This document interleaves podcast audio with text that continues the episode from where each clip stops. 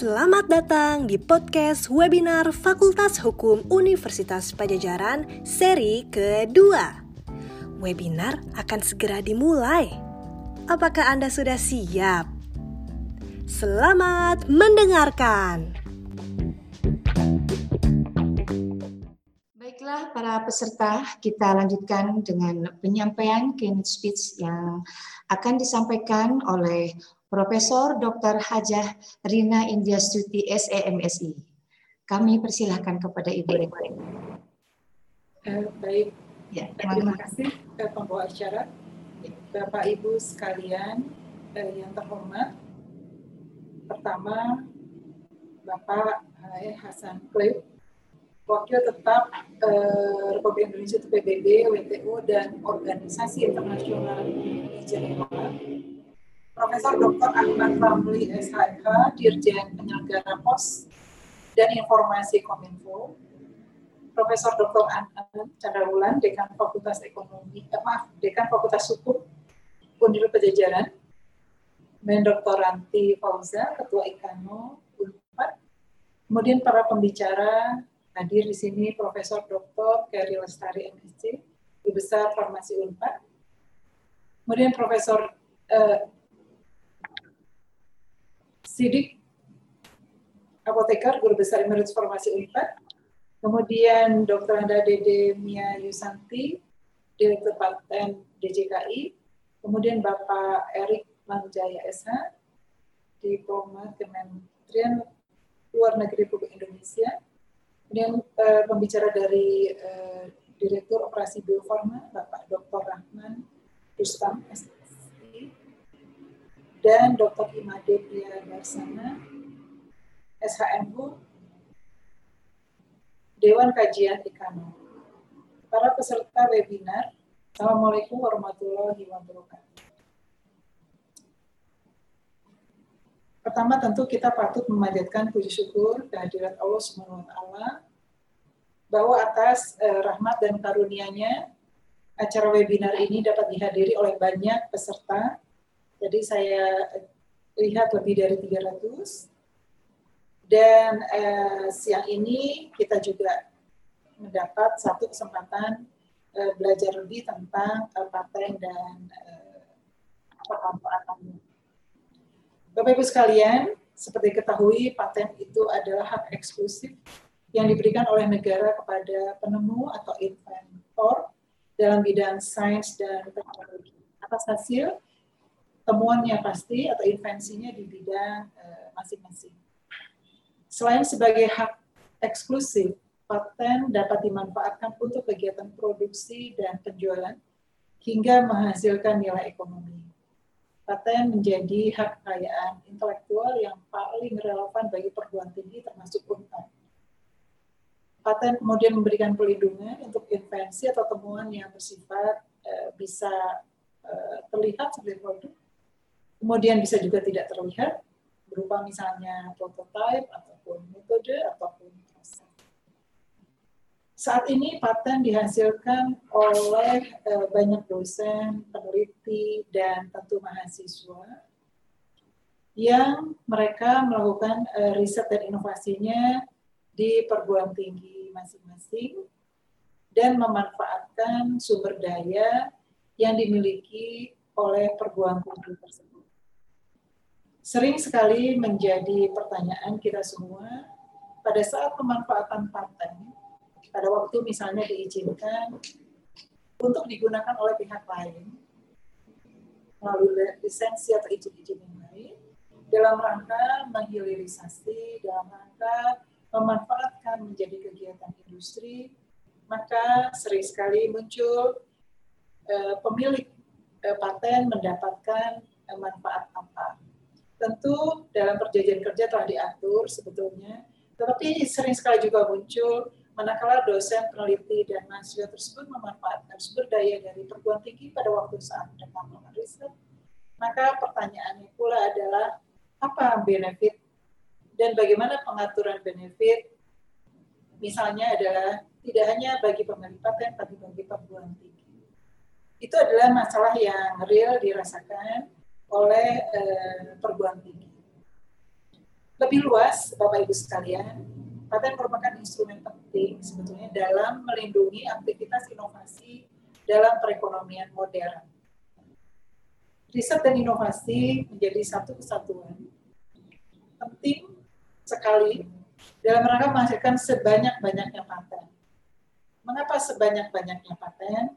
Karena kreasi nilai tambah perekonomian atas pemanfaatan paten tersebut akan menjadi akseleratif.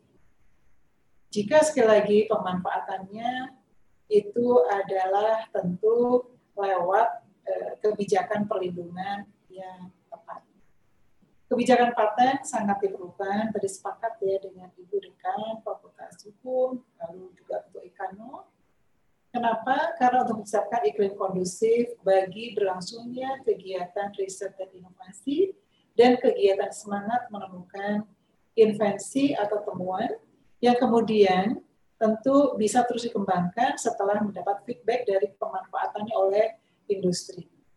Dengan demikian maka sebetulnya permasalahan mewujudkan iklim kondusif bagi berlangsungnya aktivitas penelitian, pengembangan hingga pemasaran paten di perguruan tinggi termasuk tentu di suatu negara itu akan sangat strategis saat ini apalagi pengalaman pandemi COVID-19, UNPAD misalnya saja, eh, banyak menghasilkan inovasi atas dasar rangkaian kegiatan riset para dosen, hingga menghasilkan produk-produk terkait dengan upaya mengurangi penularan COVID-19. Tentu pertanyaannya adalah eh, paten tersebut harus dikejar, harus diperoleh atas hasil temuan riset tersebut, dan dilindungi karena pada saat masa pemanfaatan industri kita semua baru bertanya bagaimana ya kira-kira bagian uh, benefit dan perlindungan uh, paten bagi inventor tersebut. Lebih jauh secara makro paten menjadi sebuah indikator dari bekerjanya sistem inovasi nasional di suatu negara. Jumlah paten dan pemanfaatan paten dapat menggambarkan tinggi rendahnya aktivitas riset dan inovasi di perguruan tinggi dan lembaga penelitian pada suatu negara. Banyaknya produk hasil inovasi berdasarkan paten akan menumbuhkan daya saing industri dan negara. Masalahnya adalah kepemilikan paten di Indonesia yang terus meningkat sebetulnya kalau kita lihat data jumlah paten Indonesia itu terus meningkat tertinggi di Asia Tenggara. Tetapi jika dibandingkan dengan populasi penduduk Indonesia, dibandingkan dengan populasi dosen peneliti, tampaknya jumlah paten secara relatif masih terus harus ditingkatkan. Maka eh, masalah berikutnya adalah kalau saja ingin menggiatkan jumlah paten dan kepemilikan paten di Indonesia, maka kami yakin melalui eh, Ditjen HKI, Kementerian Hukum dan HAM Republik Indonesia yang kebetulan pembicaranya siang ini hadir, Bapak Profesor Ahmad Ramli, maka tentunya kami sangat yakin tentu diperlukan inisiasi bagaimana cara mengefektifkan mekanisme perolehan, lalu pengelolaan paten, perlindungan paten yang dihasilkan oleh para inventor yang meliputi dosen, peneliti, dan mahasiswa pada perguruan tinggi dan penelitian, serta bagaimana upaya peningkatan pemanfaatan paten oleh sektor industri di Indonesia kita tahu bahwa sebetulnya yang menjadi masalah bangsa kita itu adalah begitu jumlah paten meningkat, maka pertanyaan berikutnya adalah bagaimana produktivitas paten itu. Nah, produktivitas paten adalah bagaimana kebijakan memanfaatkan paten oleh industri atau oleh pihak-pihak yang akan memanfaatkan untuk demi kemaslahatan uh, masyarakat. Bapak Ibu sekalian lebih lanjut, tentu saja kita juga ketahui pengakuan dan perlindungan paten dan hak kekayaan intelektual harus menjadi perhatian sejalan dengan proses perdagangan bebas dunia dan dalam kerangka ekonomi digital. Kita beruntung hari ini hadir pembicara langsung yaitu eh, Bapak apa duta eh, wakil tetap problem riset PBB Bapak Aib Hasan yang juga akan bisa menjelaskan kepada kita pentingnya pengakuan terhadap uh, hasil paten dan produk-produk yang memanfaatkan paten di dalam era perdagangan bebas. Karena ternyata pelindungan terhadap produk-produk perdagangan dari berbagai pola, mulai imitasi, pemalsuan, dan sebagainya, itu menjadi marak kiranya bukan di sumber di negara sumber paten, tapi di negara lain yang memanfaatkan hasil invensi atau paten. Era perdagangan bebas dan digitalisasi membutuhkan kepastian hukum yang harus disepakati oleh semua pihak-pihak negara yang terlibat di dalamnya. Perguruan tinggi sebagai wahana berlangsungnya riset dan kegiatan inovasi hingga menghasilkan paten memerlukan pengetahuan dan dukungan kebijakan yang tepat karena temuan atau invensi bersifat strategik akan dapat menuai permasalahannya jika pemanfaatan paten tidak terlindungi karena pemanfaatannya bisa oleh siapa pun industri itu di dalam negeri maupun di negara lain. Webinar yang digelar oleh Fakultas Hukum Universitas Pajajaran bekerjasama IKANO eh, nampaknya akan mendiskusikan isu-isu yang muncul terkait bukan hanya bagaimana meningkatkan jumlah paten, bagaimana melindungi paten, bagaimana pemanfaatan atau produktivitas paten, tetapi lebih jauh adalah bagaimana kebijakan uh, pemerintah itu mampu juga menjadi uh, daya tarik bagi para dosen, peneliti, dan mahasiswa untuk tetap bergiat di dalam menemukan hasil riset inovasi atau hasil invensinya. Jika mereka terkategori inventor, memperoleh paten, terlindungi patennya, kemudian dimanfaatkan dengan benefit yang tentu saja menjadi uh, apa, menguntungkan dari berbagai pihak, termasuk isu pertama yang saya highlight tadi adalah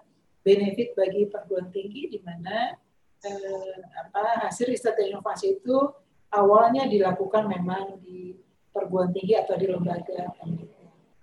Demikian kiranya eh, materi yang singkat yang saya bisa sampaikan untuk mengadres berbagai isu yang muncul yang akan didiskusikan pada uh, diskusi siang ini. Selamat berwebinar. Semoga saya yakin manfaatnya akan kita peroleh bersama. Demikian saya akhiri. Assalamualaikum warahmatullahi wabarakatuh. Waalaikumsalam warahmatullahi wabarakatuh. Terima kasih Ibu Rektor. Semoga Ibu selalu sehat. Alhamdulillah Ibu. Terima kasih kami sampaikan juga kepada uh, para narasumber yang masih setia menunggu nanti jadwalnya Kemudian ini yang selanjutnya kita dengarkan keynote speech dari Bapak Dubes, Duta Besar Wakil Tetap Republik Indonesia untuk PBB, WTO, dan organisasi internasional lainnya. Kami persilakan kepada Bapak Hasan Klip. Sudah hadir? Terima kasih Ibu, terima kasih. Oke, Bapak. Gimana Bapak sehat? Ya, ya Pak ya, langsung dari sana. Mangga Bapak. Uh, yang kami hormati uh, Profesor Dr. Rina Indiastuti, Rektor Universitas Pajajaran, ya. Profesor Dr. An-An Chandra Bulan, Dekan Fakultas Hukum Unpad, Dr. Ranti Fauza Mayana, Ketua Memikano Unpad, para pimpinan dan dosen Fakultas Hukum, Fakultas Farmasi Unpad, para narasumber, Eh, termasuk tentunya sahabat kami Pak Dirjen Ahmad Ramli dan Pak Direktur Rahman Rustan, moderator, MC, serta Bapak dan Ibu rekan-rekan mahasiswa, mahasiswi yang hadir pada webinar pagi ini.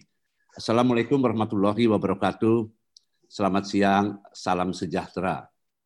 Pertama-tama tentunya eh, kami ingin mengucapkan terima kasih eh, dan penghargaan atas undangannya kepada kami untuk turut berpartisipasi pada webinar yang akan membahas topik mengenai perolehan dan perlindungan paten di bidang vaksin dan farmasi yang kiranya sangat penting hari ini uh, mengingat kondisi dewasa ini terutama dengan adanya COVID-19 pandemi. Dan secara pribadi saya sangat senang sekali uh, Ibu Rektor, Ibu Dekan, Ibu dosen uh, sebagai alumni Unpad dapat kesempatan untuk bertatap muka meskipun sayangnya masih melalui virtual uh, dengan Ibu Rektor dan para pimpinan Unpad yang kami banggakan. Bapak dan Ibu uh, yang kami hormati, sebagaimana dimaklumi, sistem paten uh, pada intinya dimaksudkan untuk mendorong inovasi. Dan pada saat yang bersamaan, menyediakan suatu mekanisme guna menjamin bahwa hasil-hasil yang diperoleh dari inovasi tersebut dapat diakses dan dinikmati oleh masyarakat luas. Pada umumnya pengembangan suatu obat atau produk farmasi baru akan memerlukan investasi yang sangat besar, penelitian yang sangat panjang, termasuk uji coba klinis yang sangat ekstensif. Hak eksklusif yang diberikan melalui paten merupakan salah satu insentif untuk para pengembang obat-obatan baru guna melakukan investasi besar dalam suatu program research and development. Isu keterkaitan antara kekayaan intelektual dan kesehatan publik memang merupakan salah satu isu diskusi dan negosiasi yang sudah rutin dilakukan di Jenewa, Swiss ini, bahkan jauh sebelum eh, pandemi COVID-19. Pembahasan mengenai pentingnya akses terhadap obat-obatan, alat kesehatan, dan vaksin bagi semua pihak terus menjadi perdebatan khususnya antara negara berkembang dan negara maju. Utamanya ketika hal itu dikaitkan dengan isu perlindungan kekayaan intelektual dan sebagaimana Ibu Rektor sampaikan tadi, terkait juga dengan perdagangan internasionalnya. Uh, untuk memberikan gambaran umum dan uh, mengingat waktu, jadi kami akan highlighted uh, tiga organisasi internasional di Jenewa yang membahas keterkaitan antara kekayaan intelektual dan kesehatan publik di mana Indonesia turut aktif, aktif berpartisipasi dan menyuarakan kepentingan nasionalnya, yaitu pertama di WTO, di World Trade Organization, di WIPO, uh, World Intellectual Property Organization, dan tentunya di WHO atau World Health Organization. Ibu dan Bapak yang kami hormati, sejak dibentuknya WTO, ada dan adopsi yang disebut dengan TRIPS Agreement atau Trade Related Aspects of Intellectual Property Rights sebagai bagian dari pembentukan WTO tahun 1994, Indonesia selalu berjuang bersama negara-negara berkembang untuk membela agar berbagai fleksibilitas yang dimuat di dalam TRIPS Agreement dapat dilaksanakan secara penuh oleh negara anggota, khususnya yang terkait dengan kesehatan publik. Mengingat keterbatasan waktu, kami tentunya tidak akan membahas satu persatu fleksibilitas yang termuat dalam TRIPS Agreement karena kami yakin para pembicara nanti juga akan mengupas tuntas hal ini secara eh, detail. Hanya satu hal yang ingin kami highlighted adalah WTO Doha Declaration on TRIPS Agreement and Public Health yang disepakati oleh anggota WTO pada tahun 2010.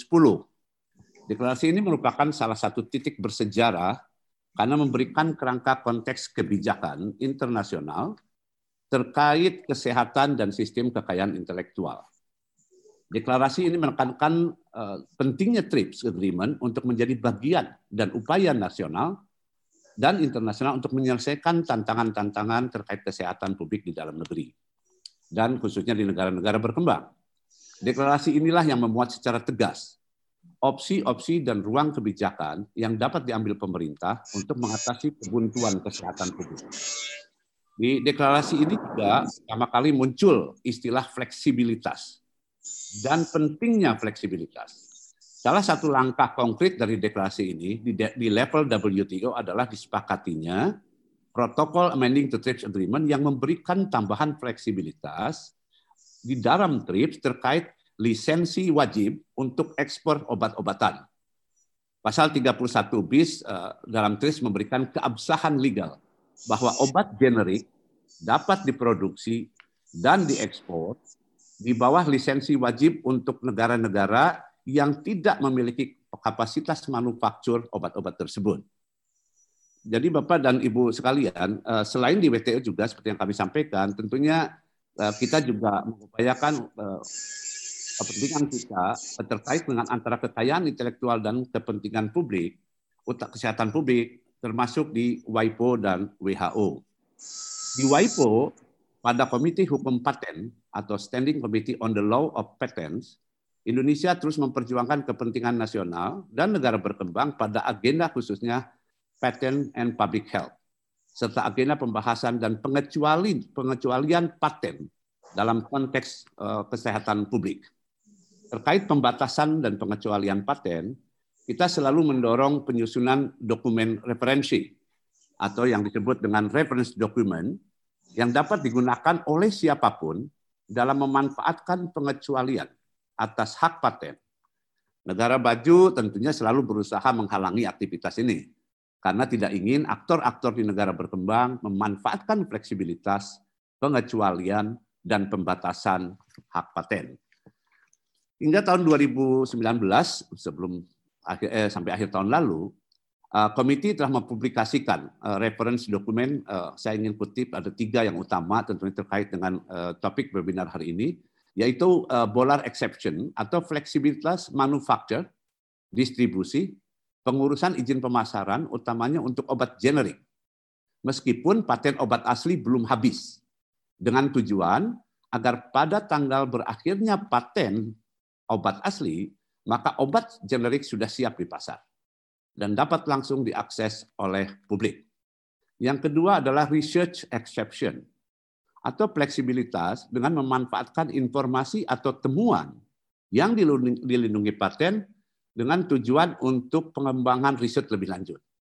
Dan yang ketiga adalah disebut dengan compulsory license atau lisensi wajib berupa fleksibilitas yang memberikan ruang bagi pemerintah untuk memberikan lisensi pelaksanaan paten ke pihak ketiga jika pemilik paten tidak beritikat baik untuk produksi suatu temuan atau jika terdapat terdapat kepentingan dan urgensi untuk kebutuhan publik.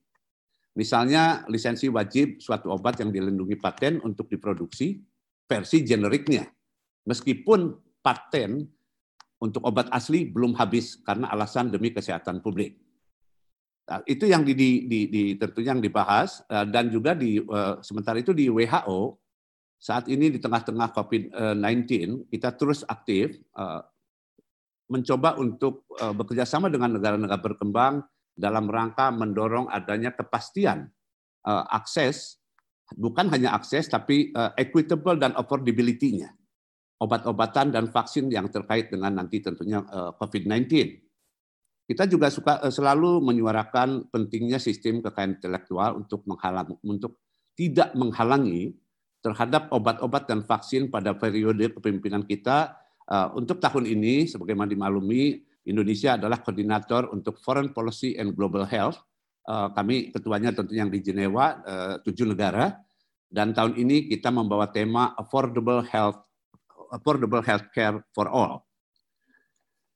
Beberapa contoh nyata adalah yang kita lakukan adalah melalui joint call WHO dan aktor kesehatan global lainnya yang antara lain melibatkan WHO, Bill and Melinda Gates, Foundation, CEPI, Gavi, dan Bank Dunia yang berkomitmen untuk mewujudkan equitable global access to innovative tools to fight the to fight the COVID-19 virus for all. Uh, contoh lain adalah kita juga sebagai co-sponsor terhadap COVID-19 Technology Access Pool dalam kerangka WHO yang merupakan mekanisme voluntary pool of rights and technology yang berskala global untuk seluruh produk kesehatan COVID-19. Uh, eh, mohon izin untuk dalam kesempatan ini kami pun ingin mengucapkan uh, selamat dan insya Allah berhasil kepada Bio Farma, kebetulan ada Pak Rahman Rustan, uh, yang telah masuk uh, shortlist Potential Drug Products Manufacturer for COVID-19 Vaccine uh, dari CEPI atau Coalition for Epidemic Preparedness Innovation yang bermarkas di Oslo, uh, Norway, dan semoga melalui kerjasama dengan potensial candidate producer, yaitu yang saat ini uh, potensial adalah AstraZeneca dan Sinovac, maka Bio Farma dapat masuk sebagai sponsor clinical trial COVID-19 candidate vaksin. Insya Allah, Pak Rahman. Uh, Bapak dan Ibu yang kami hormati, uh, jauh sebelum pandemi COVID-19, Sebetulnya isu kekayaan intelektual dan kesehatan telah merupakan salah satu prioritas eh, yang kita eh, sebagai eh, prioritas nasional kita. Di tengah COVID-19 ini Indonesia tentunya semakin aktif dan lantang dalam menyuarakan kepentingan nasionalnya untuk akses yang adil terhadap obat-obatan dan vaksin. Uh, terkait kerjasama internasional, kami ingin menggarisbawahi setidaknya ada tiga hal. Yang pertama adalah kerjasama internasional harus konkret dan action oriented untuk mewujudkan akses yang berkeadilan dan terjangkau terhadap obat, alat kesehatan, vaksin, serta teknologi dan produk kesehatan lainnya.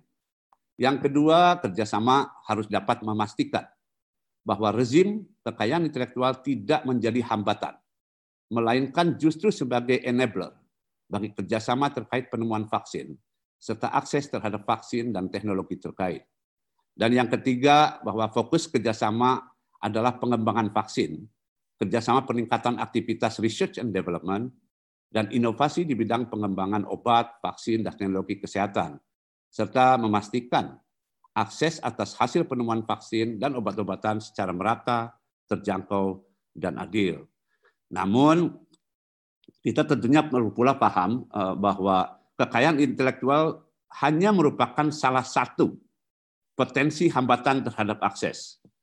Terhadap beberapa eh, terhadap eh, terdapat beberapa hambatan lain terhadap akses seperti misalnya kurangnya kapasitas produksi atau lack of manufacturing capacity, hambatan kelancaran supply produk barang-barang dan produk, serta yang ketiga adalah adanya kebijakan perdagangan seperti pembatasan impor dan ekspor.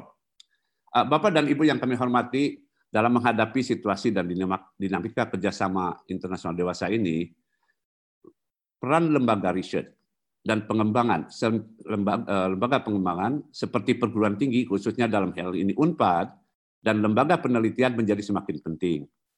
Seluruh tantangan global baik eh, itu pandemik seperti saat ini atau tantangan global seperti eh, perubahan iklim akan memerlukan riset dan inovasi untuk menemukan solusinya. Alih teknologi atau transfer teknologi tentunya menjadi penting. Namun perlu kita pastikan bahwa transfer teknologi bukan hanya sekedar memberikan atau menerima teknologi dan inovasi. Konsep transfer teknologi yang kita terus inginkan adalah kegiatan diseminasi teknologi untuk aplikasi yang lebih luas, sehingga kemajuan inovasi dapat dinikmati lebih luas lagi, dan bukan tentunya berarti gratis, karena ada yang disebut dengan perjanjian lisensi atau perjanjian-perjanjian terkait kekayaan intelektualnya dalam uh, suatu proses uh, transfer teknologi. Hal ini kiranya penting uh, untuk memastikan bahwa para peneliti di universitas dan pusat lembaga penelitian lainnya, para investor atau pemerintah yang membiayai kegiatan peneliti, penelitian dapat memperoleh timbal balik dari hasil kerja kerasnya, sehingga penelitian dan inovasi lebih lanjut dapat terus dikembangkan dan dilaksanakan.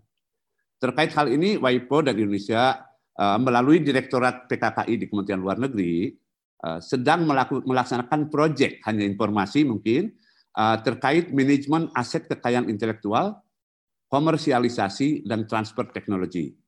Proyek tersebut bertujuan untuk memberikan bekal kepada aktor-aktor ekosistem inovasi Indonesia, termasuk universitas-universitas, mudah-mudahan UNPAD juga akan bergabung, untuk memahami lebih jauh apa itu kekayaan intelektual, apa saja fleksibilitasnya, dan apa pengecualian dan pembatasan-pembatasannya.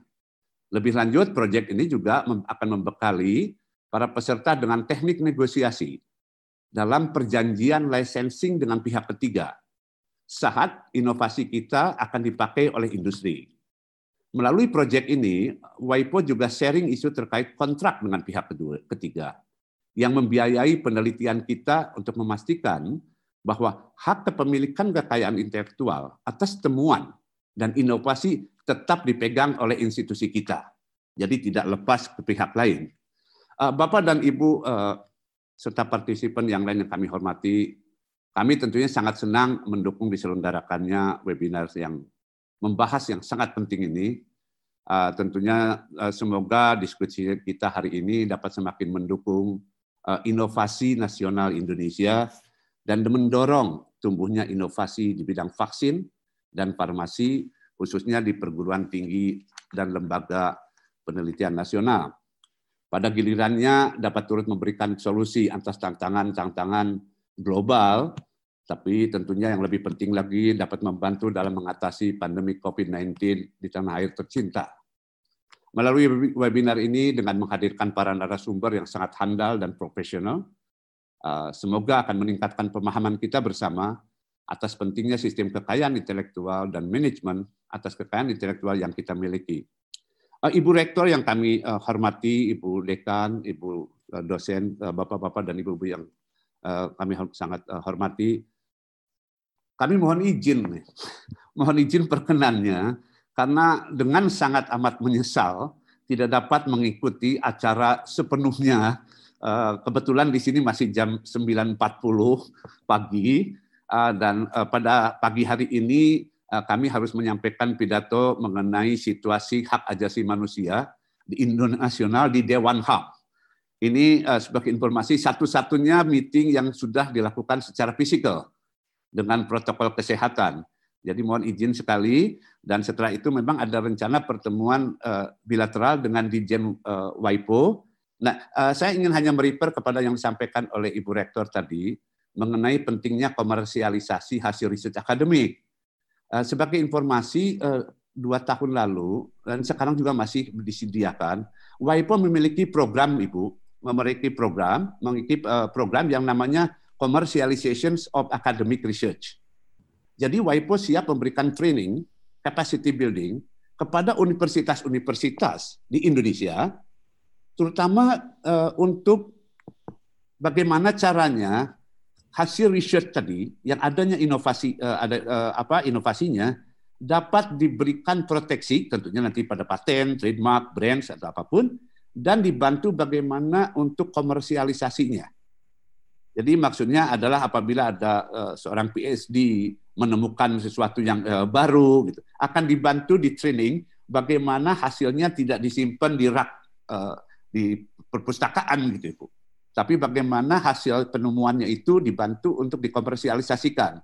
Dan sekiranya uh, Unpad berminat, uh, kami di sini adalah tadi disebut wakil tetap Republik Indonesia. Jadi kami bukan wakil tetap Kementerian Luar Negeri, Ibu jadi uh, kami juga mewakili Unpad, uh, mewakili masyarakat Indonesia. Jadi silahkan uh, dengan senang kami tentunya akan membantu proses bantuan dari WIPO kepada Unpad uh, yang sangat kami banggakan ini.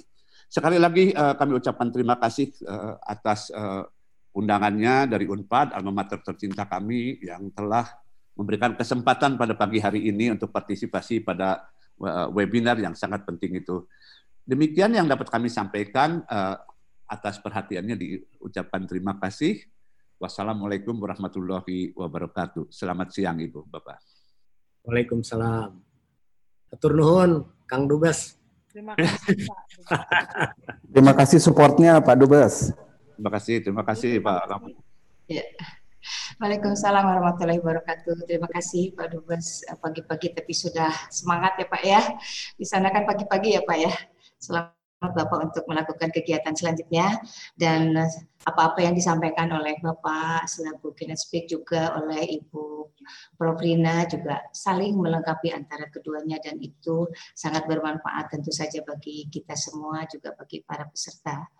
Dan barangkali kita lanjutkan ke acara yang selanjutnya yaitu pemaparan tentang materi uh, oleh tujuh narasumber para hadirin akan PP eh, yang telah saya sebutkan tadi di awal ada tujuh orang narasumber yang akan dipandu oleh, moderator kita yang sudah hadir pada siang hari ini Ibu Tasya sudah hadir kan Bu Tasya? Sudah hadir Ibu. Alhamdulillah seger ya Bu Tasya ya. Bu Tasya ini cantik sekali, energik. Saya lihat sangat handal sekali dalam memandu dan uh, me, ini apa menjadi moderator sudah sudah tak terhitung lagi ya Bu ya.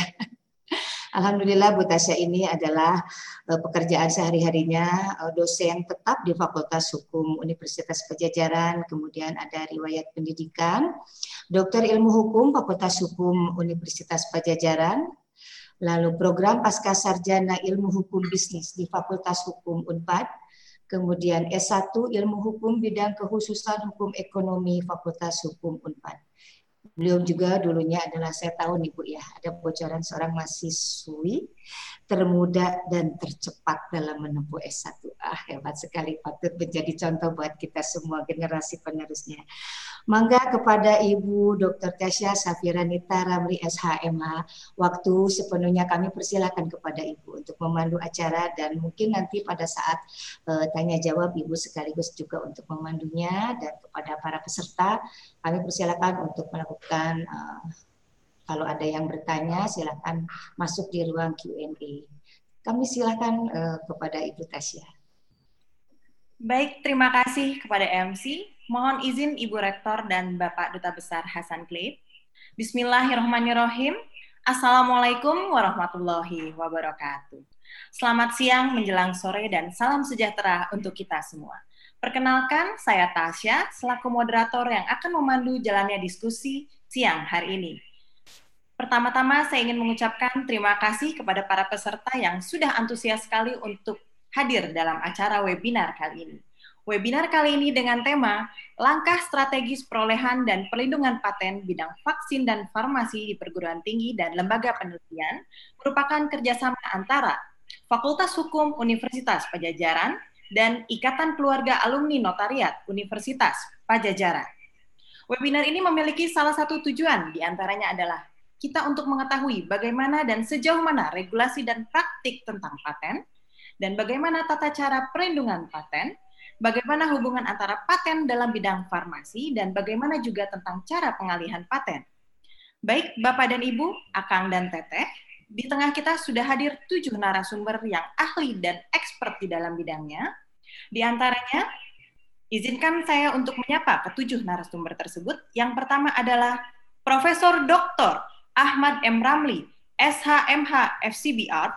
Beliau adalah Direktur Jenderal Penyelenggaraan Pos dan Informatika Kementerian Kominfo Republik Indonesia. Beliau juga pernah menjabat sebagai Direktur Jenderal Kekayaan Intelektual Kementerian Hukum dan HAM RI periode tahun 2010 sampai dengan 2016. Beliau juga merupakan Guru Besar Hukum Kekayaan Intelektual Fakultas Hukum Universitas Pajajaran. Selamat siang menjelang sore, Prof. Ramli. Sudah terdengar suara saya, Prof? Selamat siang, sudah, sudah jelas. Terima kasih, Prof. Baik, selanjutnya beralih kepada Profesor Dr. Kerry Lestari, MSI APT. Beliau adalah Guru Besar Farmakologi dan Farmasi Klinik UNPAD, Ketua Gugus Tugas COVID-19 Ikatan Apoteker Indonesia. Beliau merupakan salah satu Kartini kebanggaan Universitas Pajajaran. Selamat siang, Prof. Kerry. Selamat siang, Sampurasun. Assalamualaikum warahmatullahi wabarakatuh. Rampes, Waalaikumsalam warahmatullahi Terima kasih, Prof. Selanjutnya kita beralih kepada narasumber ketiga, Ibu Doktoranda Dedemia Yusanti, MLS. Beliau merupakan seorang direktur paten, direktur tata desain tata letak sirkuit terpadu dan rahasia dagang Direktorat Jenderal Kekayaan Intelektual Kementerian Hukum dan HAM RI. Kepada Ibu Dede, selamat siang Ibu. Selamat siang Mbak Tasya. Terdengar ya Bu ya suara kami ya? Sekali. Ya. Terima kasih. Selanjutnya kita beralih ke narasumber keempat, yaitu di sini ada diplomat Kementerian Luar Negeri Republik Indonesia, Bapak Erik Mangajaya, SHMIA. Kepada Bapak Erik, selamat siang Pak Erik. Selamat siang Ibu Tasya, selamat siang Bapak dan Ibu sekalian. Terima kasih Pak Erik. Selanjutnya kita beralih ke narasumber kelima, yaitu beliau adalah seorang Direktur Operasi PT Bio Farma Persero, Bapak Dr. M. Rahman Rustan SSI APT MBA. Kepada Pak Direktur, selamat siang Pak. Selamat siang Mbak Tasya, sekalian terima kasih sangat tinggi ini kepada Pak Dubes yang sudah support Indonesia di kancah global. Terima kasih Pak Rahman. Kita beralih ke narasumber nomor 6, yaitu Profesor Dr. R. Sidik, APT. Beliau merupakan Guru Besar Emeritus Fakultas Farmasi Universitas Pajajaran. Kepada Prof. Sidik, selamat siang, Prof. Prof. Sidik, terdengar Prof. suara saya, mohon maaf.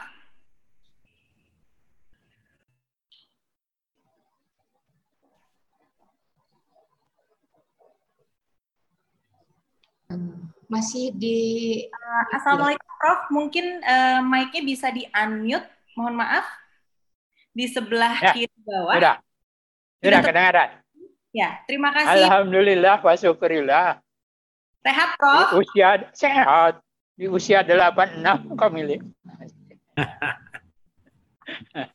Terima kasih atas perhatiannya dan kepercayaannya kepada saya. Saya hanya mau memberikan pengalaman saya saja yang mempunyai paten hidup dengan paten. Oke, terima kasih. Terima kasih, Prof. Baik, beralih ke narasumber yang terakhir. Di sini ada juga Bapak Dr. Imade Pria Darsana, SHM Hum.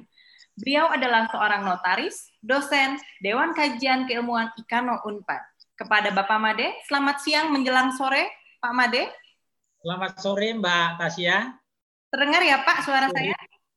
Terdengar, terdengar, sangat baik. Selamat sore untuk para prof semua eh, dan teman-teman eh, para peserta yang Eh, apa berpartisipasi pada diskusi webinar pada sore hari ini. Terima kasih. Terima kasih Pak Made. Baik Bapak dan Ibu, Akang dan Teteh yang saya banggakan, untuk selanjutnya kita akan membagi sesi webinar ini menjadi dua sesi. Yang pertama yaitu adalah sesi pemaparan materi dari para narasumber yang handal, dan yang kedua adalah sesi tanya jawab atau sesi pertanyaan yang bisa Bapak dan Ibu akan teteh lampirkan dalam fitur Q&A yang ada pada aplikasi Zoom ini. Baik untuk memanfaatkan waktu, kami persilahkan kepada narasumber pertama, yaitu kepada Prof. Ramli. Silakan Prof, kami persilahkan. Terima kasih, moderator.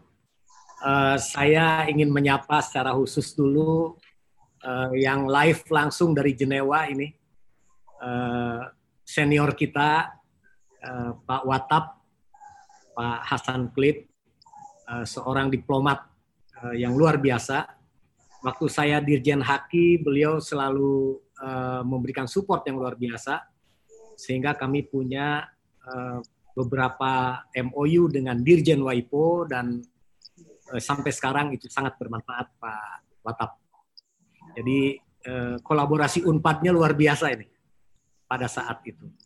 Kemudian uh, saya juga ingin memberikan takjim khusus kepada Ibu Rektor yang hari ini juga hadir.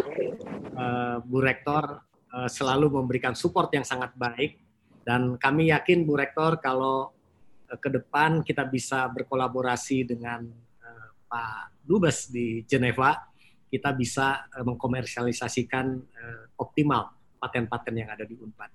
Uh, di sini juga Eh, saya ini ada senior kita juga, Prof. Sidik. Prof. Sidik dan Prof. Kerry ini adalah dua tokoh uh, farmasi, farmakolo yang uh, waktu saya di Dirjen Haki uh, mendapat penghargaan internasional di bidang paten. Jadi bukan karena sama-sama Unpad, karena ini juga penilaiannya adalah internasional. Jadi kedua beliau itu uh, sudah bisa mengkomersialisasikan patennya. Kalau Pak Sidik uh, salah satu uh, paten yang sangat terkenalnya adalah Kiranti yang sangat disukai ibu-ibu saya kira dan uh, kaum wanita. Kemudian uh, di sini juga hadir Ibu Dede uh, ya yang sangat saya hormati Pak Rahman Rustan itu dua-duanya uh, juga tokoh-tokoh yang satu dari Dirjen Paten. Uh, waktu saya Dirjen uh, Dirjen Haki Bu Dede juga sudah direktur ya dan kemudian Pak Rahman juga dari Bio Farma. Uh, Bapak dan Ibu sekalian, saya boleh uh, men-share uh, barangkali uh, ini yang namanya apa PowerPoint ya. Jadi secara khusus saya ingin menyampaikan lebih dulu terima kasih untuk Ikano sebetulnya. Ikatan Alumni Notariat ini sangat progresif, sangat aktif ya. Uh, dan saya tahu bahwa paten adalah salah satu juga yang menjadi concern mereka. Jadi hari ini saya uh, akan penuhi undangannya untuk menyampaikan beberapa hal ini. Jadi yang pertama uh, saya ingin sampaikan bahwa yang namanya intellectual property itu sebetulnya kan eh, cakupannya sangat luas. Ya. Cakupannya sangat luas Dan paten ini sebetulnya hanya merupakan salah satu daripada intellectual property yang dikelompokkan menjadi industrial property. Jadi di samping paten kita juga mengenal copyrights. Copyright saat ini adalah bagian juga yang sangat populer. Ya, kita bisa uh, berkomunikasi via Zoom adalah karena copyrights juga. Ya.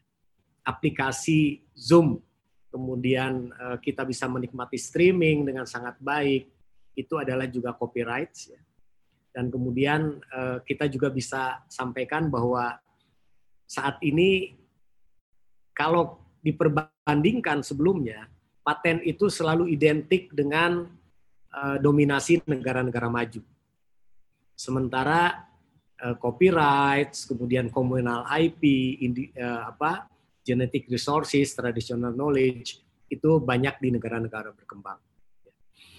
Uh, oleh karena itu, Indonesia pernah juga berpikir bahwa kita ingin lebih fokus di bidang copyright misalnya. Karena uh, kemampuan kita di bidang copyright itu sangat banyak.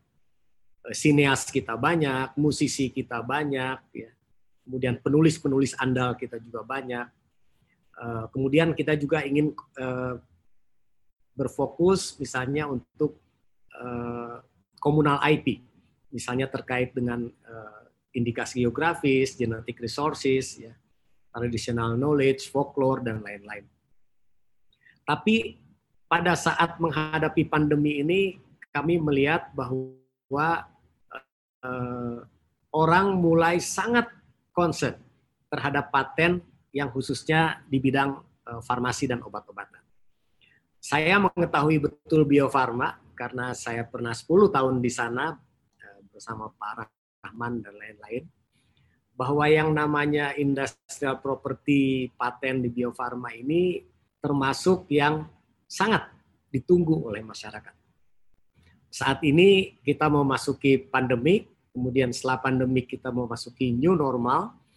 Pada saat new normal itu orang mulai berpikir bagaimana dengan paten terhadap vaksin, bagaimana paten terhadap obat-obatan dan farmasi yang terkait dengan uh, upaya mengatasi COVID ini.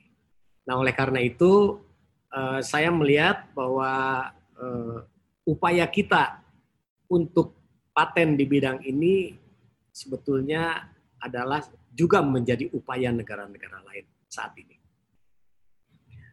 Saya ingin tunjukkan kepada Bapak dan Ibu sekalian bahwa kalau ini menyangkut perguruan tinggi dan lembaga penelitian, maka setidaknya ada empat unsur yang harus menjadi perhatian kita. Yang pertama adalah inventor di lembaga penelitian dan eh, individunya juga. Ya. Jadi ketika kami menyusun undang-undang paten baru, kita memberikan penghormatan yang sangat tinggi terhadap inventor-inventor baik di lembaga penelitian maupun perguruan tinggi. Dulu kalau ada seorang inventor misalnya di BPPT, di LIPI, atau di perguruan tinggi negeri menghasilkan paten, maka dia itu tidak boleh disebut sebagai inventor. Inventornya adalah harus selalu perguruan tingginya. Dan kemudian akan menjadi sulit untuk yang bersangkutan untuk mendapatkan royalti. Nah, di undang-undang paten yang baru, kita sudah mulai memikirkan itu dan kita mengatakan bahwa seorang inventor, misalnya seperti Prof. Kerry, Prof. Sidik, itu boleh mencantumkan namanya pada saat UNPAD mendaftarkan paten. Siapa pun, ketika LIPI mendaftarkan paten, ketika BPPT mendaftarkan paten, maka inventornya boleh disebut. Dan yang bersangkutan berhak mendapatkan royalti dari paten itu jika dikomersialisasikan. Nah ini oleh karena itu eh, saya sebetulnya eh, agak punya hutang Bu Rektor karena ketika undang-undang ini dulu diundangkan eh, saya sempat eh, berbicara dengan Rektor Unpad waktu itu untuk eh, menyampaikan hal-hal terkait dengan regulasi baru ini.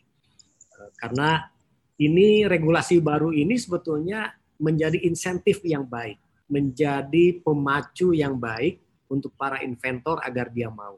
Karena kalau dia bisa mengkomersialisasikan patennya yang didaftarkan oleh universitas, maka dia pun akan mendapatkan royalti. Makin besar uh, produksinya, makin besar royaltinya. Jadi dia tidak perlu ke mana-mana, dia cukup uh, mengandalkan bendera universitasnya.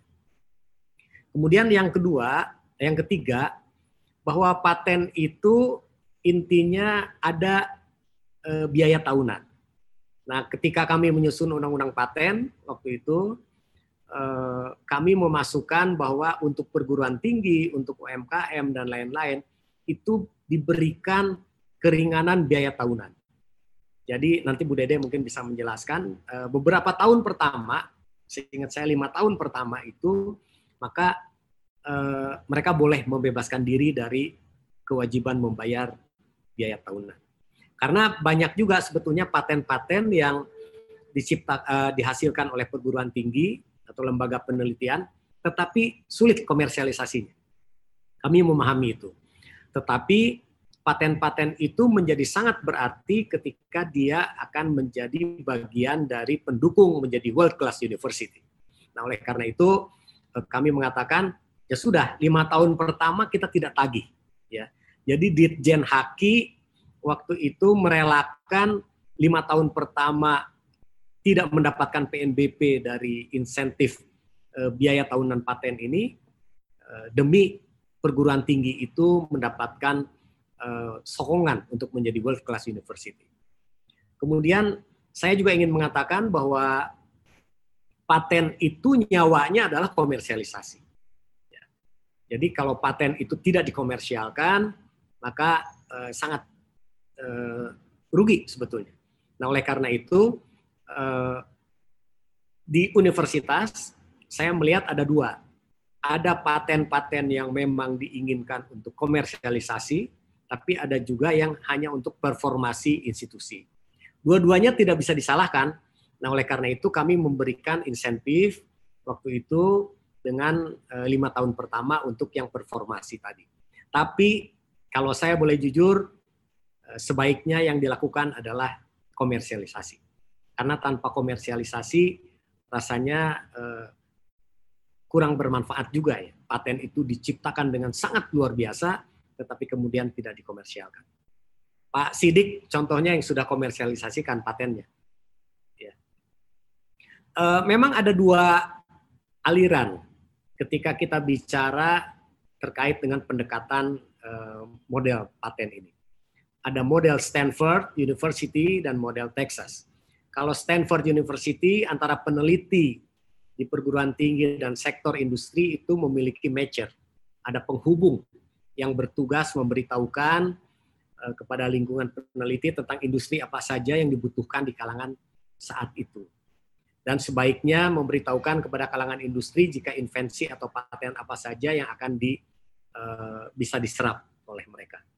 Nah, kalau pendekatan Stanford, artinya komersialisasinya akan menjadi sangat tinggi. Karena apa? Ada link and match antara university, antara lembaga penelitian dengan uh, industri. Tapi ada juga model Texas. Kalau kalangan-kalangan peneliti di perguruan tinggi uh, Texas itu lebih berpikir sesuai idealisme. Pokoknya mereka meriset apa saja yang dapat diindustrikan maupun yang masih skala studi awal, untuk menciptakan ilmu pengetahuan baru. Jadi bagi mereka eh, tidak ada soal mau eh, komersial atau tidak, tapi yang penting mereka riset terus untuk menghasilkan invensi-invensi baru. Kalau saya mana yang akan dipilih tentunya dua-duanya saat ini bisa dipilih. Karena kalaupun memilih yang nomor dua, eh, biaya tahunan patennya bisa dimohonkan untuk dibebaskan. Tapi tentunya eh, jika memilih yang pertama akan jauh lebih baik. Karena yang pertama akan menghasilkan royalti. Oleh karena itu, kalau kita berpikir ekonomis, eh, saya justru lebih mendorong model yang pertama. Pendekatan Stanford itu akan lebih mendorong universitas mendapatkan benefit dan mendapatkan revenue dari paten yang dihasilkan oleh eh, para peneliti. ada kekecualian-kekecualian yang tidak bisa diberikan paten, Misalnya kalau produk itu uh, melanggar kesusilaan, ketertiban umum dan lain-lain ya, itu otomatis kita tolak. Ada juga metode pemeriksaan perawatan pengobatan dan atau pembedahan yang diterapkan terhadap manusia atau hewan itu juga tidak boleh ya. Jadi misalnya pisau operasinya itu boleh diberikan paten, tetapi metode cara bagaimana mengoperasi pasien itu tidak boleh. Jadi uh, alat-alatnya boleh, tetapi metode-metodenya tidak boleh. Karena metode-metode itu harus diturunkan ke dokter-dokter berikutnya dan seterusnya. Di sinilah sebetulnya pendekatan-pendekatan yang dilakukan uh, dengan uh, fungsi sosial yang sangat tinggi. Kemudian teori dan metode di bidang ilmu pengetahuan dan matematik itu juga termasuk yang tidak boleh dipatenkan, ya, karena itu menjadi eh, apa kepentingan publik dan itu bisa menjadi public domain. Kemudian makhluk hidup kecuali jasa dernik, ya. Kalau jasa dernik nanti vaksin ada di sini, ya. Makhluk hidup yang lain tidak bisa, tetapi kalau menemukan vaksin boleh. Kemudian proses biologis yang esensial untuk memproduksi tanaman atau hewan kecuali proses non biologis atau proses mikrobiologis itu juga tidak boleh. Jadi artinya eh, yang nanti akan dibolehkan ada rekayasa misalnya untuk tanaman itu boleh, tapi sifatnya yang eh, non biologis. Kemudian eh, bagaimana dengan paten yang terkait dengan kepentingan kesehatan dan publik pandemik? Nah ini yang kemudian saya ingin sampaikan uh, dalam meeting beberapa waktu yang lalu dengan alumni Unpad, Menko Erlangga Hartarto sempat mengatakan bahwa soal vaksin COVID-19 ini banyak negara sepakat tanpa hak kekayaan intelektual. Jadi intinya karena kita semua menghadapi pandemik yang luar biasa ini, ya Indonesia juga diprediksi akan mengalami tekanan ekonomi yang tinggi, ya kemarin Presiden mengatakan bahwa kita sudah memasuki resesi, bahkan ada negara-negara yang anjlok sampai minus 17 persen pertumbuhannya. Oleh karena itu, ada keinginan eh, negara-negara untuk bahwa vaksin ini eh, tidak dilindungi dengan kekayaan intelektual. Sebetulnya ada metodenya. Jadi yang namanya kekayaan intelektual itu sifatnya eksklusif sifatnya eksklusif itu melekat kepada inventor pemegang patennya, kepada pencipta untuk karya ciptanya dan lain-lain. Ya.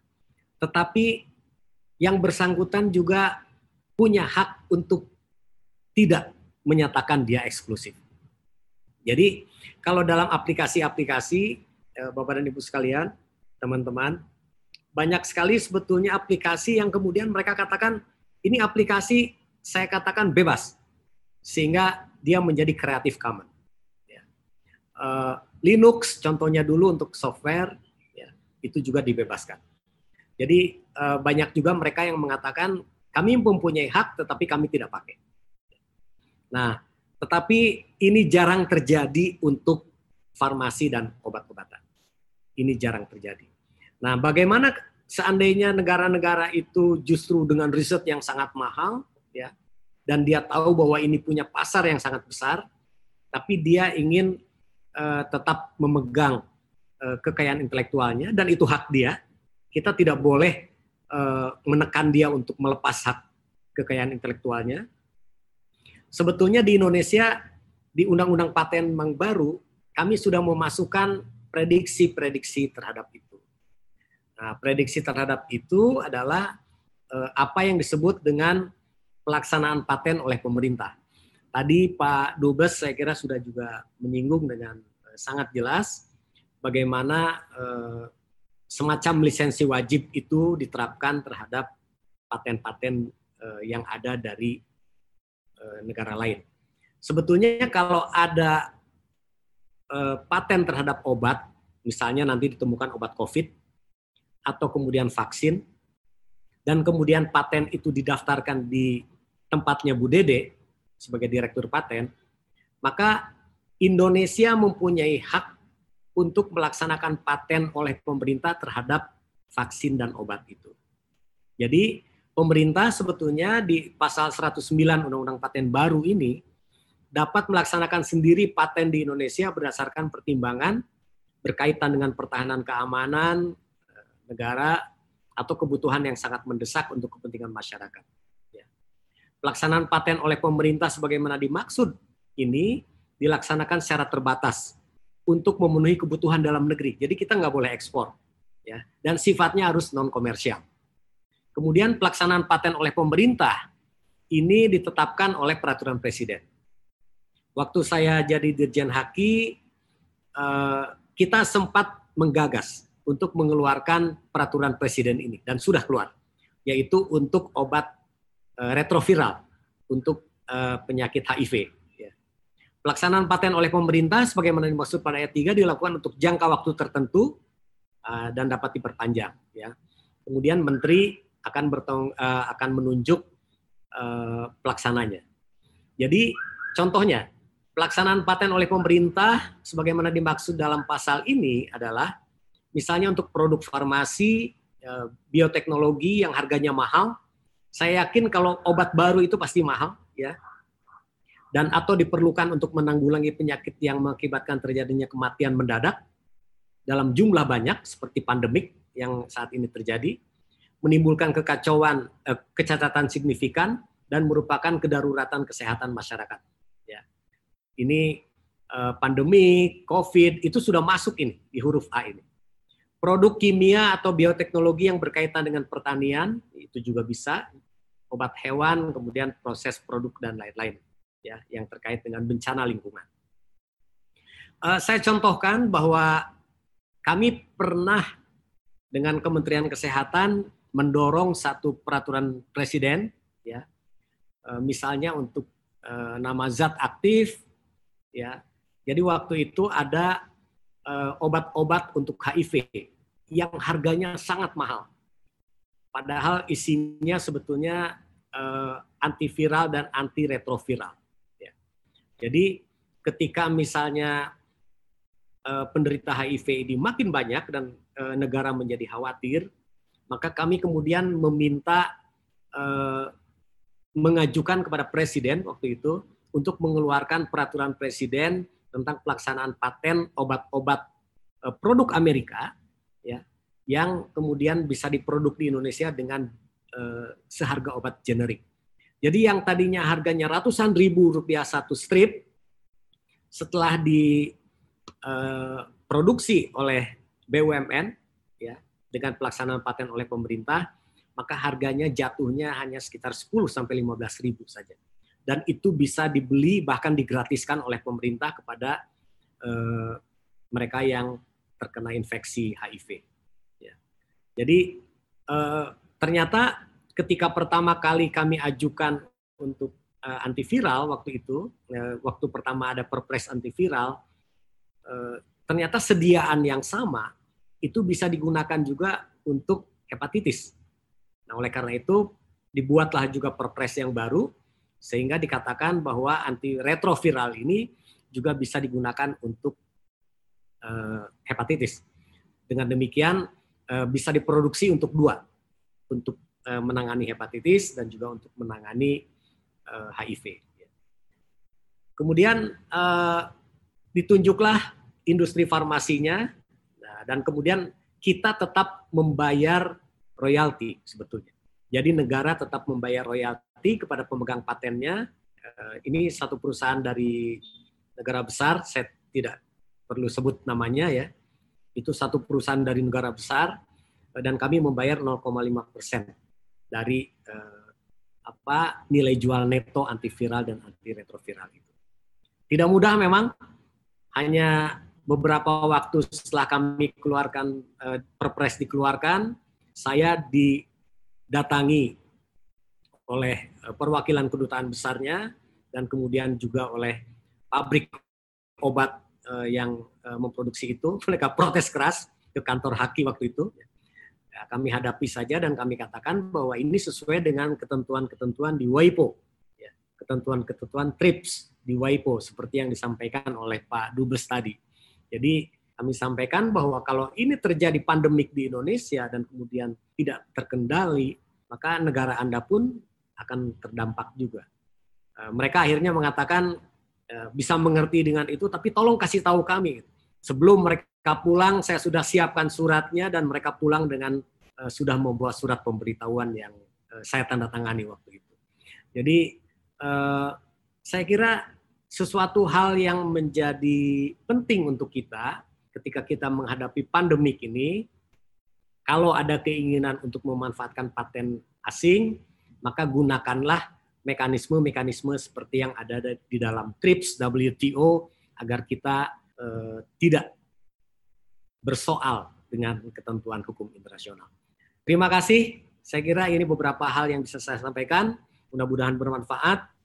Wallahul muwafiq ila Assalamualaikum warahmatullahi wabarakatuh. Waalaikumsalam warahmatullahi wabarakatuh. Baik, terima kasih Prof. Ramli. Dapat kita simpulkan dari paparannya yaitu Terdapat beberapa klaster paten dalam sistem kekayaan intelektual. Paten juga memiliki empat unsur antara perguruan tinggi dan lembaga penelitian, di antaranya adalah inventor lembaga dan individu, royalti, insentif biaya tahunan, dan komersialisasi dan performasi.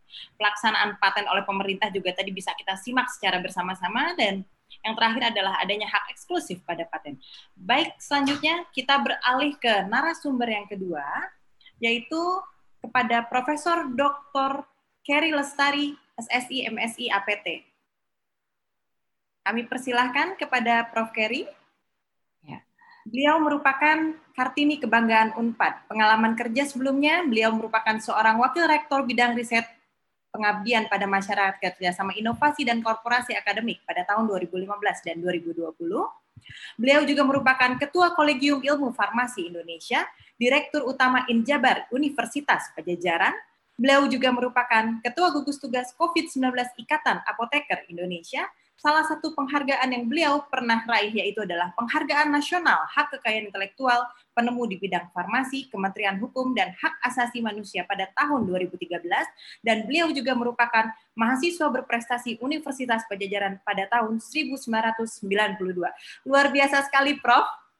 Baik, kepada Prof. Kerry, kami persilahkan. Terima kasih Teh Tasya. Uh, subhanallah ya. Ini uh, pada kesempatan ini saya mengucapkan uh, penghargaan yang tinggi-tingginya kepada Ikano dan Fakultas Hukum yang memberikan perhatian kepada uh, riset di bidang uh, farmasi dan vaksin. Memang kami dari periset dari bidang farmasi dan vaksin sangat memerlukan sekali uh, sinergitas dan kolaborasi dengan teman-teman semua karena kadang-kadang kalau kami mah lempeng gitu ya uh, Teh Tasya jadi meriset begitu aja, tetapi kemudian uh, urusan uh, haki dan urusan uh, kekayaan intelektual ini uh, kami pun uh, perlu dilakukan pendampingan. Pada kesempatan ini saya juga mengucapkan terima kasih kepada Profesor Ahmad Ramli yang dari sejak dahulu itu selalu mengingatkan jangan lupa haki dan segala macam. Jadi kalaupun saya punya beberapa uh, haki uh, dalam bentuk hak cipta atau paten itu karena memang salah satunya adalah di, selalu diberikan uh, motivasi oleh beliau terutama pada saat beliau menjadi dirjen HKI dan juga di sini ada Prof. Sidik, guru saya, dan saya juga ucapkan uh, terima kasih atas dukungan yang selalu diberikan oleh Ibu Rektor, sehingga kami semua bisa uh, melakukan berbagai uh, apa namanya berbagai riset yang sangat difasilitasi oleh Universitas Pajajaran. Teman-teman semua, mungkin ini sedikit saya beri, menyampaikan slide share berikut ini. Jadi ada beberapa langkah strategis dalam perolehan dan perlindungan paten di bidang vaksin dan farmasi di perguruan tinggi dan lembaga penelitian. Seperti, sedikit, seperti kita ketahui bahwa tidak semua riset itu berujung indah menjadi paten. Mungkin dari beberapa riset ada saja eh, yang memang eh, dilanjutkan karena ada berbagai permasalahan teknis. Jadi eh, apa saja yang bisa dijadikan paten dalam riset farmasi itu ini adalah salah satu uh, sub apa ya rantai pekerjaan kita. Pertama yang menjadi bisa menjadi paten adalah bagaimana uh, pengelolaan dari raw material. Kemudian dari raw material kita akan melihat ada aktif ingredient apa atau misalkan ada senyawa aktif apa. Lalu dari senyawa aktif ini tidak mungkin berdiri sendiri, pasti ada senyawa inaktif apa. Sehingga formula ini juga bisa menjadi uh, ranah paten atau ranah hak cipta. Lalu kemudian formula ini kita akan buat untuk sediaan apa? Apakah itu suntik, apakah itu apa? Apakah itu menjadi vaksin, apakah itu menjadi tablet? Itu juga bisa menjadi ranah ranah dari paten. Dari dari hal ini kemudian larilah ke ranah distribusi. Karena distribusi sekarang juga bisa menjadi paten karena berbagai inovasi dari sisi distribusi. Baru kemudian ini akan masuk ke rumah sakit dan akan dimanfaatkan oleh pasien. Intinya dari semua rantai ini, ini kita harus eh, mengikuti beberapa standar yang ditentukan, yaitu ada kalau dari standar manufaktur ada good manufacture practice, kalau dari sisi distribusi ada good distribution practice, dan kalau dari sisi prakteknya ada good pharmaceutical practice. Kenapa ini harus kita lakukan? Semata-mata ini adalah untuk menjamin mutu obat dan untuk menjamin patient safety atau keamanan pasien dalam penggunaan obat dan vaksin tersebut. Dari dari pharmaceutical product tersebut, seperti tadi saya sampaikan dalam pengembangan obat baru, mungkin kandidatnya ada sampai ribuan atau bahkan ratusan ribu. Tapi kemudian setelah kita lihat penapisan farmakologinya, kemudian dilihat juga kalau dia punya manfaat, ternyata dia sangat toksik, tidak kita teruskan. Sehingga dari yang punya manfaat sekitar ribuan, ini tidak semua lanjut karena ada masalah dari keamanan tadi. Jadi kalau hmm. toksisitasnya tidak aman, itu tidak berlanjut. Lalu kemudian kita coba secara farmakologi yang luas, dicoba uji toksisitas eh, kronik dan uji kliniknya, akhirnya jadi satu pun itu sudah luar biasa. Jadi sebetulnya hmm. betul yang saya sampaikan oleh Pak Profesor Ahmad Kamil tadi, eh, paten itu menjadikan salah satu Eh, motivasi dan juga salah satu reward kita terhadap perjalanan panjang seperti ini. Kenapa dikatakan perjalanan panjang? Karena dari percobaan kimia pertama sampai terjadi sebuah produk, ini bisa memakan waktu puluhan tahun. Sehingga pada saat ini, dalam kondisi pandemi COVID-19, tidak dibuat pengembangan obat baru seperti ini, tetapi yang kita cari pada saat pengembangan uh, obat di masa pandemi ini adalah mencari obat-obat yang sudah ada dalam konsep repurpose drug digunakan apa yang memang obat dari obat yang sudah ada di pasaran tersebut yang bisa punya manfaat untuk uh, pengobatan COVID-19 ini. Seperti saya katakan tadi bahwa penemuan obat itu bisa 2 sampai 10 tahun. 2 tahun ini sudah cukup luar biasa. Tahun kenapa 10 tahun ini kan akan uh, berhubungan dengan isu tadi perimbangan antara perapisan farmakologi untuk manfaat dan juga uji toksisitas untuk melihat dari keamanan penggunaannya. Sehingga ini e, memakan waktu sekitar ya tadi 2 sampai 10 tahun. Nah, ini pun sama jika e, berbagai senyawa yang kita e, screening asalnya banyak sekali, namun yang jadi itu memang dapat dihitung dengan jari. Dengan demikian, memang e, kekayaan intelektual itu harus menjadi salah satu uh, tujuan dalam hal ini jika yang satu ini itu sudah kita dapatkan karena ini merupakan perjalanan panjang dari dari riset dari para riset farmasi tersebut.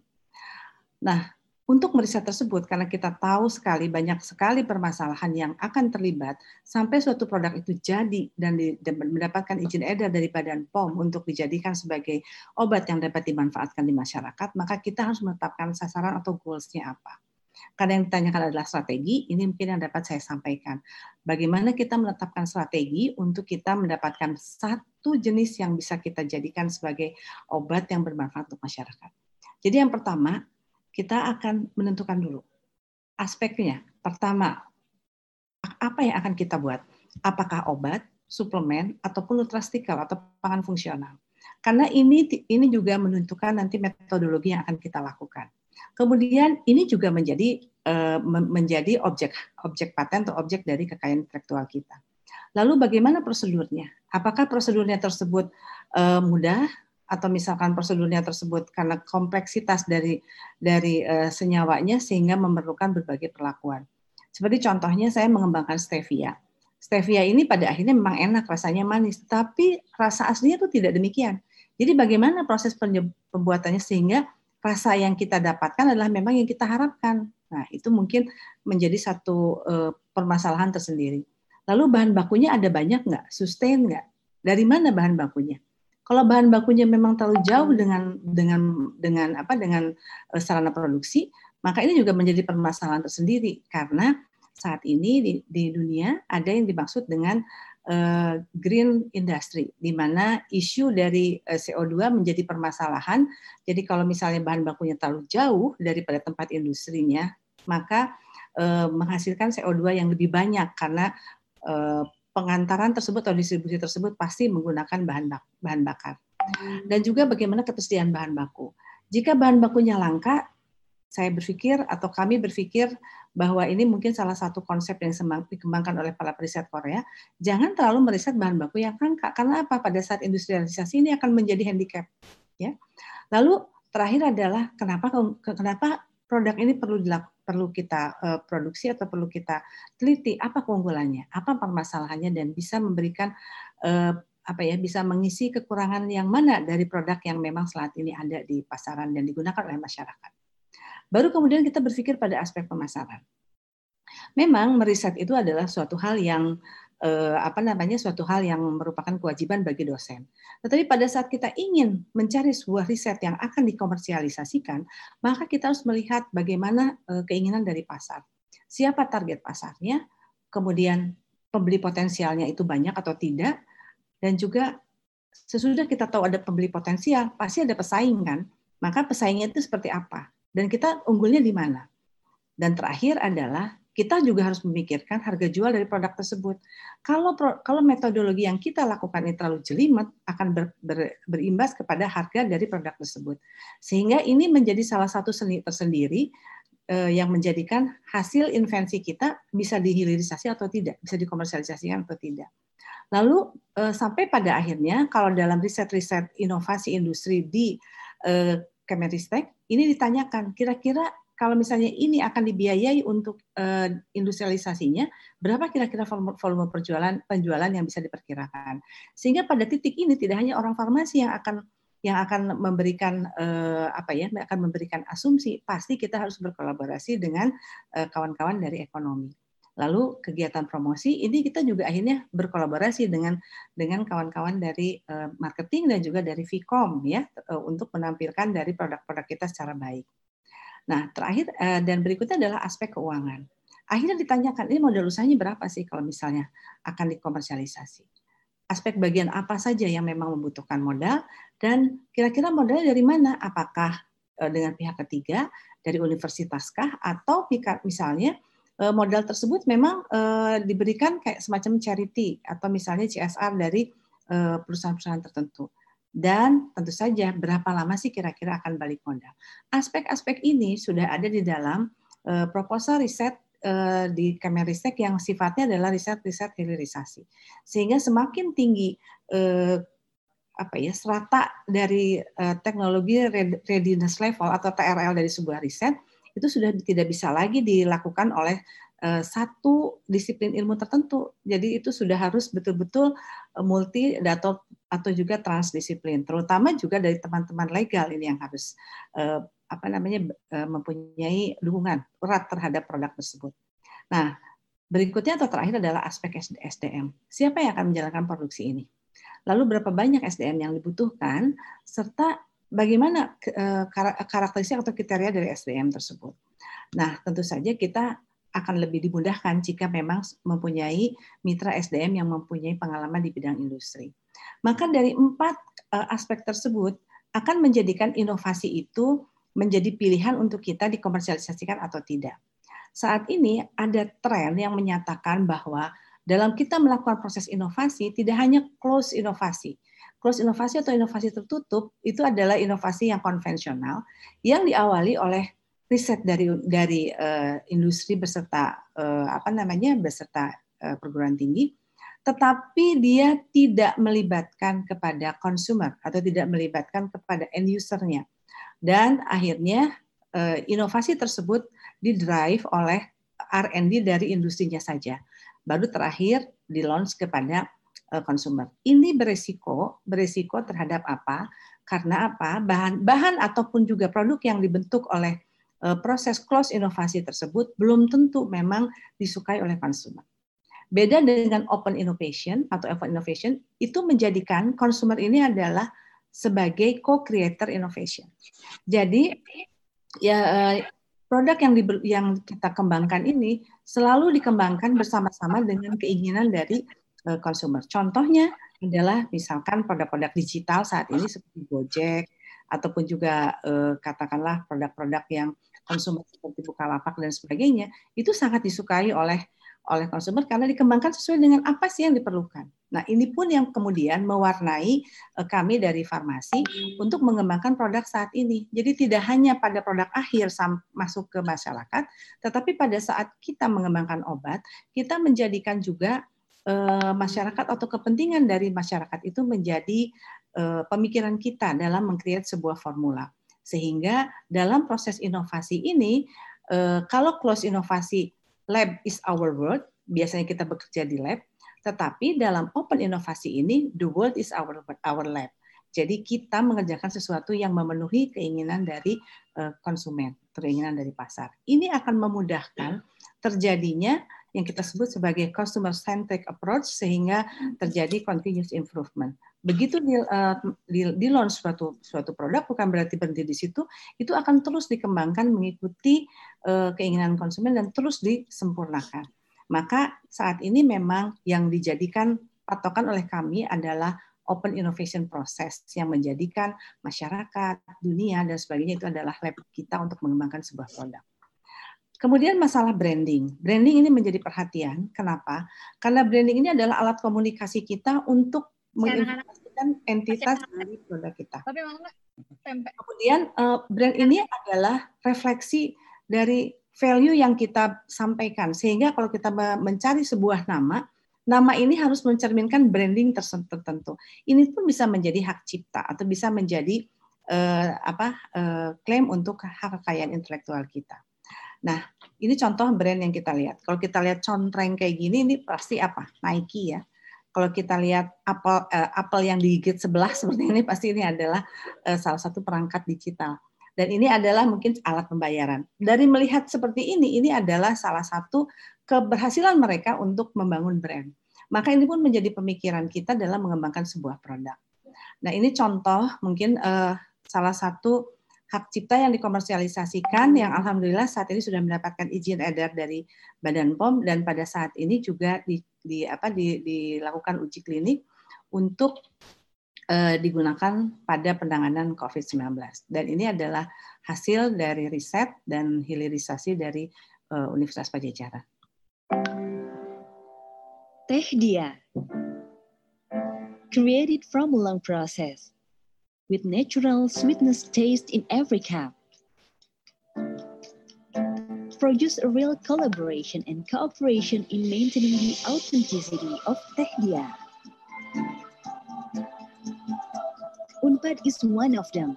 This university has involved directly in developing Tehdia. Ensure everything precise. Reiterate to make sure everything according to standard. Wholeheartedly picked by the hands of the farmer who are involved directly stevia planted with the best seed for perfect result. With an organized process. This is the product of hard work until it finally perfected to preserve the quality. The best performance from all the aspects prepared with precision in all of the necessary aspects to produce and process tehdia all the steps according to the standard from the stevia mills.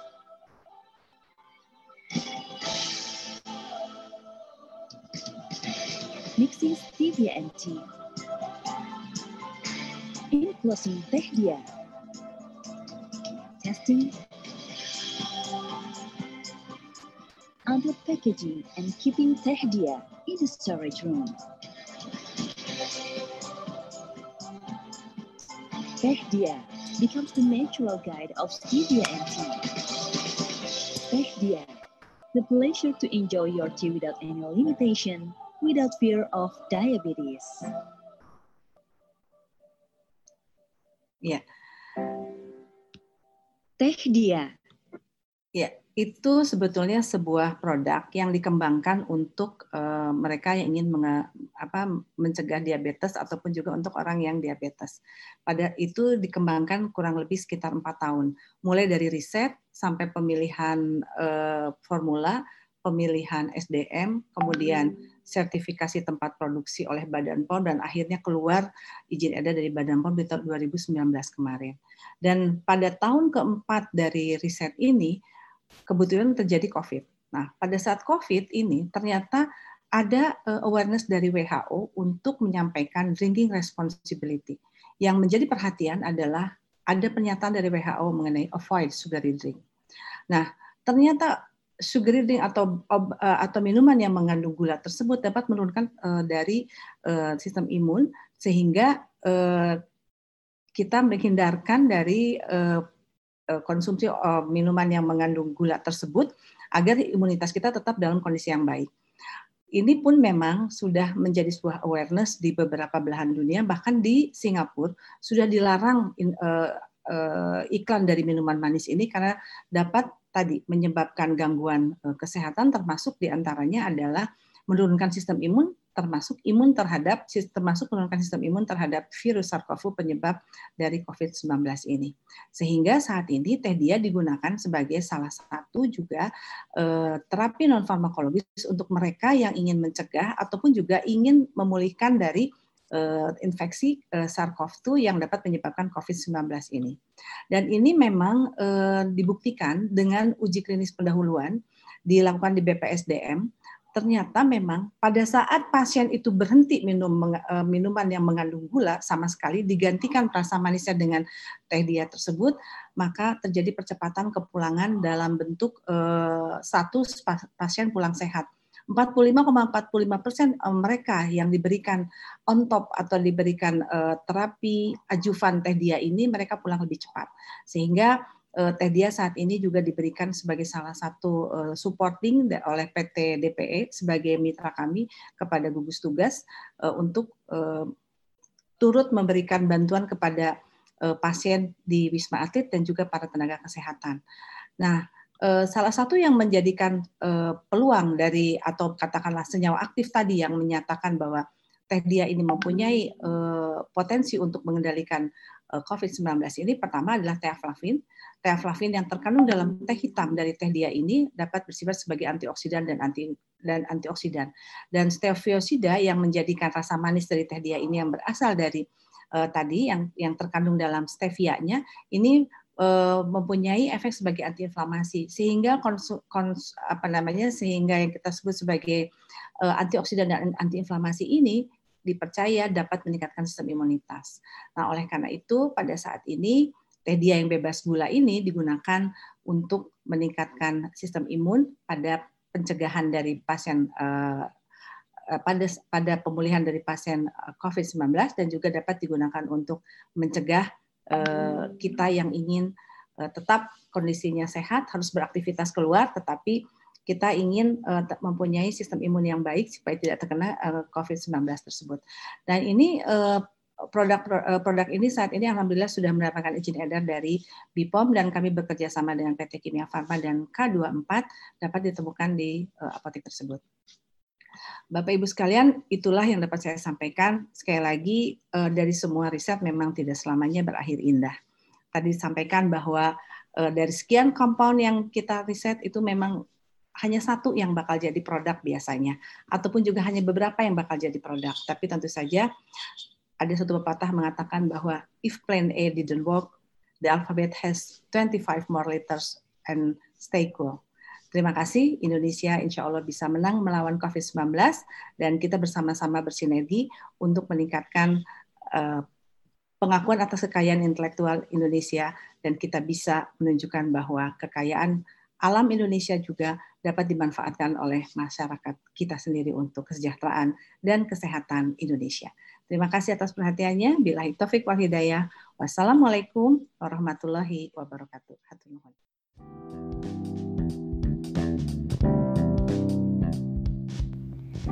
Terima kasih telah mendengarkan podcast ini. Sampai jumpa di episode berikutnya.